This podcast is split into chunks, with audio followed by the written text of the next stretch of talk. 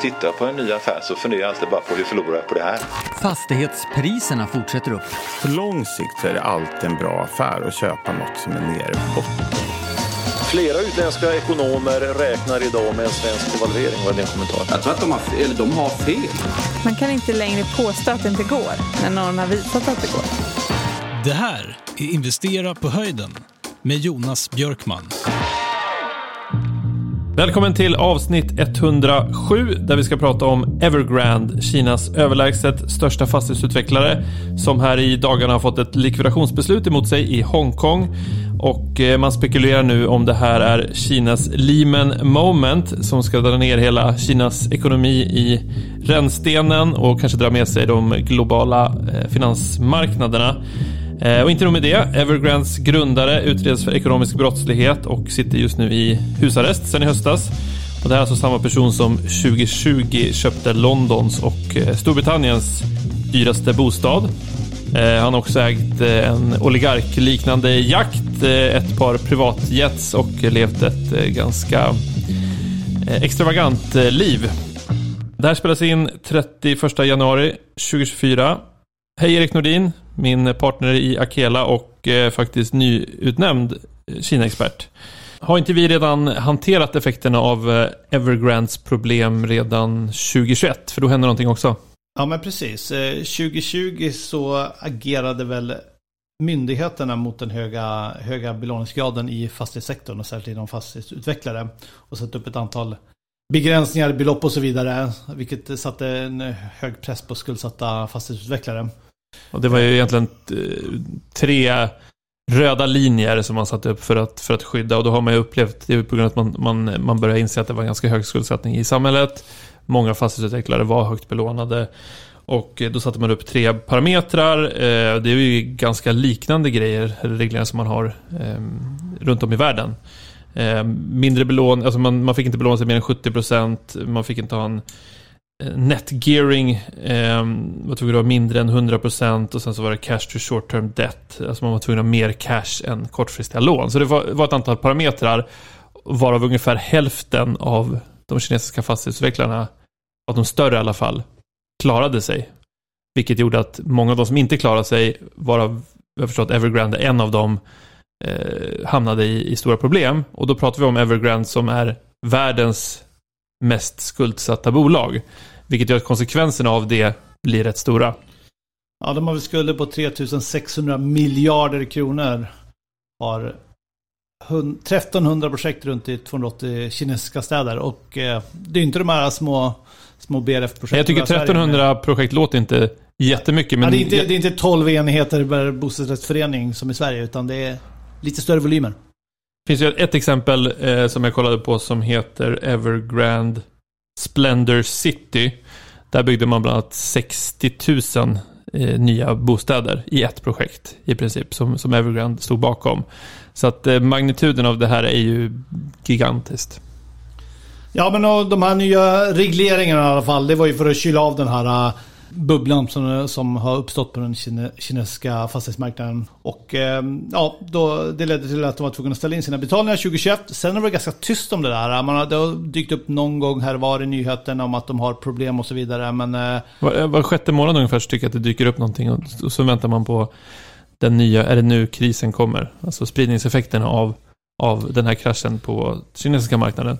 Exakt, och, men nu här för några dagar sedan så kom in ett, ett avgörande beslut i alla fall från en domstol att de beslutade att bolaget ska likvideras. De fick alltså inte en ytterligare tre månaders frist på att, på att lösa det här. Sen till saken hör att det var ju en domstol i Hongkong vad jag förstod som tog det här beslutet och det är lite oklart om fastlandskinesiska domstolar kommer att acceptera den domen. Så att det inte Vilket de har gjort i vissa fall vad jag förstått. I, i, I vissa fall så accepterar de, i vissa fall har de inte gjort det. Så att det går inte riktigt att, att, att veta hur de kommer att agera. Nej.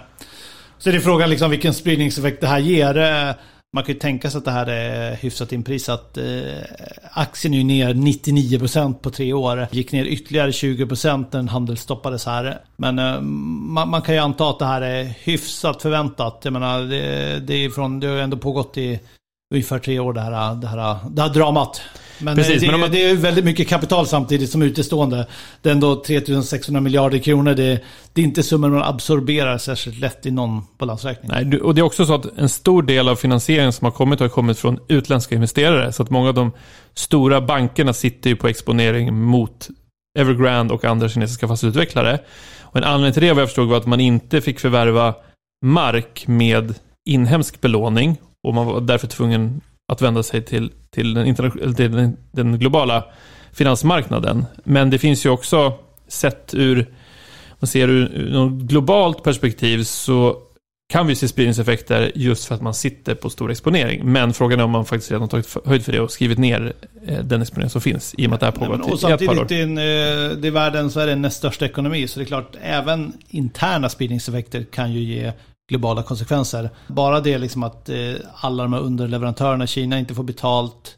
Att det sprider sig till andra, att det blir svårare för andra fastighetsutvecklare att få lån eller att premier går upp och så vidare. Och, och de här bostadsköparna som har erlagt en ganska stor del av bostadens eh, köpeskilling i förskott. Alla de som ligger ut med pengar och tappar de här pengarna, jag menar det kan nog påverka stabiliteten i landet och eh, därmed hela, hela världskonjunkturen. Ja, för det är också så att tittar man på eh, det är inte riktigt som i Sverige, man betalar kanske 10% i handpenning och sen så betalar resterande sen. Här är det ju, eller någon bokningsavgift eller något sånt där. Här har ju, vad jag har förstått, i alla fall, man i, i vissa fall betalat upp till 70% av, av priset i förskott. Som då har gått in till Evergrande som används i, i alla typer av projekt. Och nu står köparna utan, eller halv, med halvfärdiga bostäder eller de, att där byggarna inte ens har påbörjats. Och sen sitter man på en, en ehm, skuldsättning redan mot banken. Så att det är klart att där, det, det har ju redan nu ett, ett ganska stort missnöje hos befolkningen på de som har flyttat in från landsbygden till städerna. Och det är också så att det står 90 miljoner färdigställda lägenheter som också är oinflyttade. Som, som man tittar på den belåning som finns så finns det mycket som är färdigställt. Men det är ganska mycket kapital inlåst i dem också som sen skulle kunna användas för att betala tillbaka en del av de här skulderna. Och det kan man väl ganska snabbt eh, komma fram till att det här kommer vara svårt att, att sälja. Och det börjar pyra lite grann, Jag läste någonstans att på sociala medier så börjar det pyra ganska ordentligt hos alla de här bostadsköparna som nu ligger inne med sitt kapital eh, och som inte har fått, en, fått sin lägenhet levererad och även de som kan ha köpt till ett pris som inte gäller längre. De har betalt alldeles för mycket helt enkelt. Så att det får se eh, när det väl kollapsar. Ofta, ofta upp, upprätthåller man ju någon typ av hopp så länge bolaget finns och tänker att kanske kommer det här eh, ske någon typ av bailout från staten och så vidare. Men när det väl går i konkurs och man verkligen ser att ens pengar är borta, då kan det nog hända saker. En, en annan orosfaktor är ju också att en, en stor andel av Kinas BNP kommer ju från byggsektorn. Och en stor andel av det är ju just bostadsproduktion. I en minskande befolkning och de har ju sina demografiska eh, utmaningar också med, med, med en befolkning som minskar ganska drastiskt de närmaste åren. Så att det har, tappar en så stor del av, eh, av, av, av motorn i, i tillväxten så det kan också vara en eh, anledning till oro. Men om man backar tillbaka bandet lite till 97 när Evergrande grundades så var det ju med en osannolikt bra timing för 90, fram till 98 så när man flyttade in till en stad så fick man en bostad från staten. Eh, och det här 98 så, så ändrade man reglerna vilket då har sen gjort att den, he, hela den här eh, hela bostadsutvecklingssidan har kommit igång. Eh, för då började ju kommunerna eller motsvarande sälja mark. Fastighetsutvecklarna kom dit, förvärvade marken och började producera bostäder. Eh, och även så började man ju tillåta att inhemska banker börja ge ut bostadslån. Vilket också, så att man har ju byggt igång, man har ju fått igång en motor i, i ekonomin som inte fanns tidigare. Samtidigt som man har en stor inflyttning. Så att på 90-talet så var det väl en fjärdedel som bodde i städerna ungefär. Och idag är det fler som bor i städer än på landsbygden. Så att den här urbaniseringstrenden eh, har ju skapat en väldigt, väldigt, väldigt stor efterfrågan på bostäder och det som har gjort den här enorma produktionen kommit igång. Även så att 12% av, av arbetskraften i, i Kina jobbar ju i byggsektorn. Så det är en enormt stor del av, av ekonomin och det är just för att vi har haft hela urbaniseringstrenden. Ja, men sen, sen är det ju, de är inte ensamma heller. Även om de är störst så de har väl det här bolaget Country Garden som jag tror sitter i motsvarande sits och är väl betydligt är väl mindre men...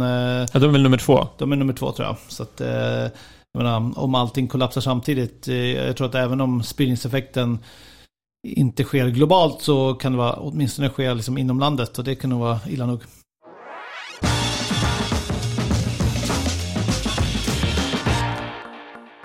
Den här podden görs i samarbete med Akela Realkredit där man som fastighetsägare kan belåna sin fastighet, eh, få ut kapital snabbt och enkelt från en miljon upp till 100 miljoner kronor.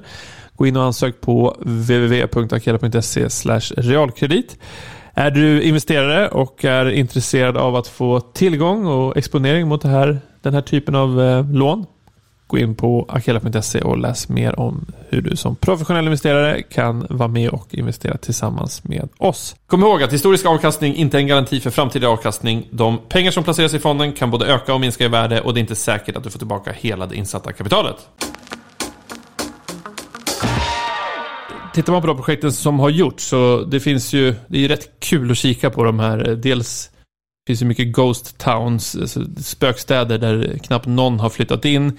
I vissa fall så har man en lite äldre stad och så ska man bygga en helt ny stad bredvid. Det finns något som heter Ordos, där, där den, man har byggt upp en, en, en ny stad med samma namn precis bredvid, där ingen bor. Och så bor alla kvar i den gamla staden. Och det är enorma volymer. Eh, där har man i och för sig nyligen också börjat driva en hel del. Jag tror man rev 16 skyskrapor här eh, nyligen för att minska utbudet och försöka få igång försäljningen. Eh, andra kul projekt som man kan se det är ju rena raka kopior av andra världsstäder. Så att det finns till exempel en, en kopia av Paris som till och med har Champs-Élysées, Eiffeltornet och så vidare. Ehm, och väldigt fina byggnader, för som har gjort kopior av den arkitektur som även finns i Paris så har man ju också sålt ganska dyra um, objekt. Så att priserna är skyhöga eh, för, för marknaden i Kina. Så att det är knappt någon som har flyttat dit heller. Och varför bygger man så mycket utan att det verkar finnas någon eh, eller motsvarande efterfrågan? Är det bara för att hålla igång maskineriet med arbetskraft och så vidare? Vad... Ja, ja, dels är det väl det. Alltså det är en så stor andel av, av ekonomin som, som går åt byggsektorn. Eh, sen har det ju väldigt stor, alltså mycket invester, många som har investerat. Det bästa som, man, som har funnits har ju varit att investera i den här eh, fastighetsboomen. Eh, så att i vissa av de här städerna så är det 80-90% ägs av investerare. Så att du har, du har tagit in kapital för att bygga det och sen ska du sälja det på, på marknaden. En annan förklaring är väl också att det har ju varit en, en enorm globaliserings, eller en, en urbaniseringstrend men den har avtagit rätt kraftigt. Nu är det knappt någon, någon inflyttning längre till städerna. Och så fort det försvinner, och man börjar se en, en, en, att det börjar mättas lite, så försvinner ju efterfrågan på nya bostäder. Så man helt enkelt räknar med att den här trenden ska fortsätta, men den har, har avtagit? Ja, de senaste två, två tre åren så har det, har det gått ner kraftigt i alla fall.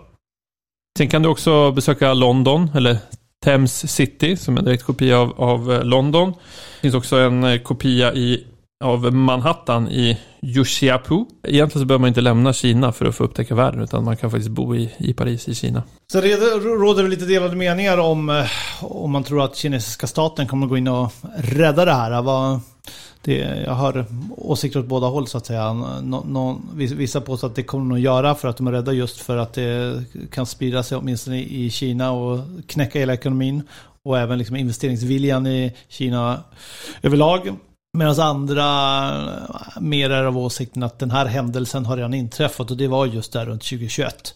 Och att det här är bara ned, en seg nedmonteringsfas så att säga som inte avslutar den. Så att det, kinesiska staten därmed inte kommer att agera. Det är ju en, en ganska stor intäkt till i alla fall den lokala kommunerna eller motsvarande är ju också försäljning av mark. Så en tredjedel av skatteintäkterna utslaget på, om vi nu kallar det kommunerna i Kina, eh, kommer från eh, försäljning av mark. Så att liksom bara det tillsammans med allt annat, en, en väldigt stor andel av, av eh, arbetskraften jobbar inom bygg så finns det ju rätt starka incitament för staten att faktiskt agera. Frågan är när de väl gör det och hur de väl gör det så ja, det, det påverkar ekonomin, helt klart. Nej, men jag, jag hörde någon som trodde att eh, staten kommer se till att de här bostadsköparna får tillbaka sina pengar. Men att det utländska kapitalet, de står verkligen sist i kön. Så att, eh, Ja, men, och Ja, det de- påverkar också investeringsviljan. Det har ju, sen det här började inträffa 2021 så har det i princip varit omöjligt att ta upp ny finansiering från eh, utlandet. För det blir så, det är så osäkert. Ja, och det i kombination med till exempel Alibaba när staten går in och eh, tvångstar över företag och ägande i företag. Det är, all, sånt minskar ju risken också. Eller ökar ju risken också. Eh, minskar investeringsviljan. Samtidigt som det är sen, sen gammalt välkänt fenomen att det är svårt att ha insyn i de kinesiska bolagen. Hur ser det ut egentligen? Hur sköts bokföringen? Vad, vad sker under, under motorhuven där? Det, det har varit å, å, återkommande skräckhistorier om hur, hur eh, hela företag bara är fejkade. Titta på grundarna då till, till Evergrande, Hu- Ka Yen. Um, han var ju 2017 världens, eller Kinas rikaste person. Med en förmögenhet på ungefär 42, drygt 42 miljarder dollar. En, en viktig framgång i bygget av Evergrande har ju varit hans kontakter. Dels som man måste ha, antar jag, till det politiska etablissemanget i Kina. Han har väldigt bra connections med eh, Hongkongs stora magnat Joseph Lau som också var en, en stor investerare i, i Evergrande. Så han har ju frotterat sig med rätt personer. Ehm, han, eh, när Xi Jinping besökte Storbritannien 2015 då var han ju liksom en del av delegationen där, sida vid sida. Eh, när hans eh, egna fotbollslag vann eh, Guangzhou Evergrande, vann Asia Premiership. Då hängde han ju med Jack Ma, alltså grundaren av Alibaba. Jag tror också att de äger en del av, av laget. Prince Andrew var där. Så att han har ju varit en väldigt offentlig person som en del av etablissemanget, vilket också har underlättat. Han är ju känd för att han dels köpte, tror det var 2020, köpte han ju Storbritanniens absolut dyraste privatbostad bostad för 200 eller 230 miljoner dollar. Han hade lite privatjet, han hade en eh, fantastiskt fin eh, lyxjakt som han var tvungen att sälja snabbt när det började bli problematiskt 2021. Han tog en förlust på ungefär 30 miljoner dollar. Men han sitter nu gripen och utreds för oklart vad. Och det är väl det som händer antar jag, eh, när man har blivit en persona non grata som även Jack Ma och Alibaba verkar ha blivit till viss del. Att man blir utskuffad, man får vara kvar, men de tar över saker och ting. Man vet inte riktigt vad som händer. Och här är en person som sitter i husarrest. Men det troliga är att han kanske inte har gjort så mycket fel, men det är en person man bara vill få bort när man ska städa upp det. Det är ganska klassiskt i de här länderna att eh, när man när det börjar gå, gå, gå snett då, då blir det alla möjliga anklagelser just om, om korruption och bokföringsbrott och så vidare. Men eh, sen å andra sidan har man lånat upp 3600 miljarder. Det är väl inte helt omöjligt att eh, någonting inte har stått helt rätt till. Om vi ska spekulera lite eh, fritt då om, eh, vi har gjort det redan, men om den här krisen kommer sprida sig. Jag är väl av uppfattningen att man har hanterat det mesta redan 2021. Det jag är väl lite orolig för är ju om det, det här är, så att säga, att det blir okej att man låter det här gå under, så är det fler som kommer ha svårare att få hjälp från staten att upprätthålla eh, och att man faktiskt tar den här stora smällen nu. Och då är det ju rätt stora företag, även om vi pratar om Evergrande och världens mest skuldsatta bolag så har du ju de här andra bolagen, nummer två, nummer tre, nummer fyra, nummer fem, som också är gigantiska bolag. Och eh, då kan man ju få rätt, liksom, ännu fler följd, följdeffekter. Ja, alla underleverantörer, alla, alla byggbolag och all personal och det blir ju en uh, stor smäll liksom för, för rätt många. Så det är klart redan en sargad ekonomi som har tappat i tillväxt, eh, har problem med demografin och så får, får den här uh, smällen ovanpå det. Det kan ju ge rätt stora effekter. Precis, och de hävdar ju, Kinas centralbank, att de här spridningseffekterna inte kommer ske. Och att de kommer göra mycket för att inte låta det hända. Ehm, Man, som du var inne på tidigare så har man ju sagt att de som har köpt bostäder och har depositioner ska inte behöva drabbas här, även om pengarna har använts på annat håll inom, inom Evergrande. Frågan är också om eh, vi tror att det kommer sprida sig till eh, den svenska eller den nordiska fastighetsmarknaden. Vi har en helt annan typ av eh, modell i, i västvärlden än man har i Kina liksom med de här jättebyggena som man bygger på spekulation eh, eh med massa antaganden. Det, det, det finns liksom in, inte de likheterna här, även om vi har våra egna problem på, fastighetsmarknaden så tror jag inte att det, det, liksom, det är inte är jämförbart. Däremot så kan det ju ge spridningseffekter i form av att eh, institutioner kanske går under, det blir stora hål i balansräkningar och så vidare som kan ge indirekta effekter. Eller att investeringsviljan i Kina avtar eller att eh, konjunkturen där viker därför att massa, alla de här människorna blir arbetslösa, alla som jobbar eh, på de här byggena och så vidare. Så det kan ge massa indirekta effekter såklart. Men det är klart att eh, nu har vi en hyfsad transparens, i alla fall det har hänt eh, lite saker efter finanskrisen. Så att man har väl hyfsat koll på, jag tycker att det tydligaste tecknet är väl att det har inte hänt så mycket på världens börser i, och med det här beskedet. Så att eh, vi har inte sett någon, och det såg vi ju dock 2021, vissa rörelser, att den här oron påverkade marknaderna en del.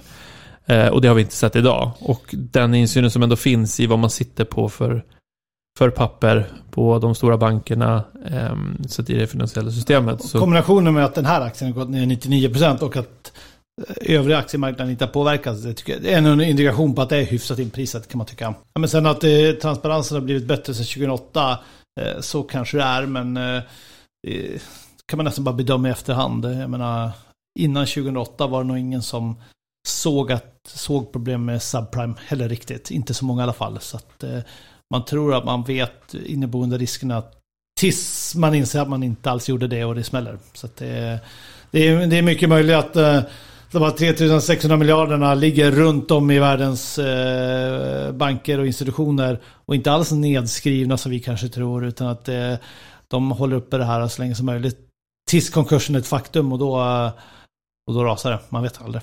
Nej, men vi får se då vad som, eh, vad som händer om man lyckas omstrukturera det här, om man får stöd från staten. Man försökte göra en, en omstrukturering av, av skulden Eh, förra året. Och det var ju på 23 miljarder dollar ungefär.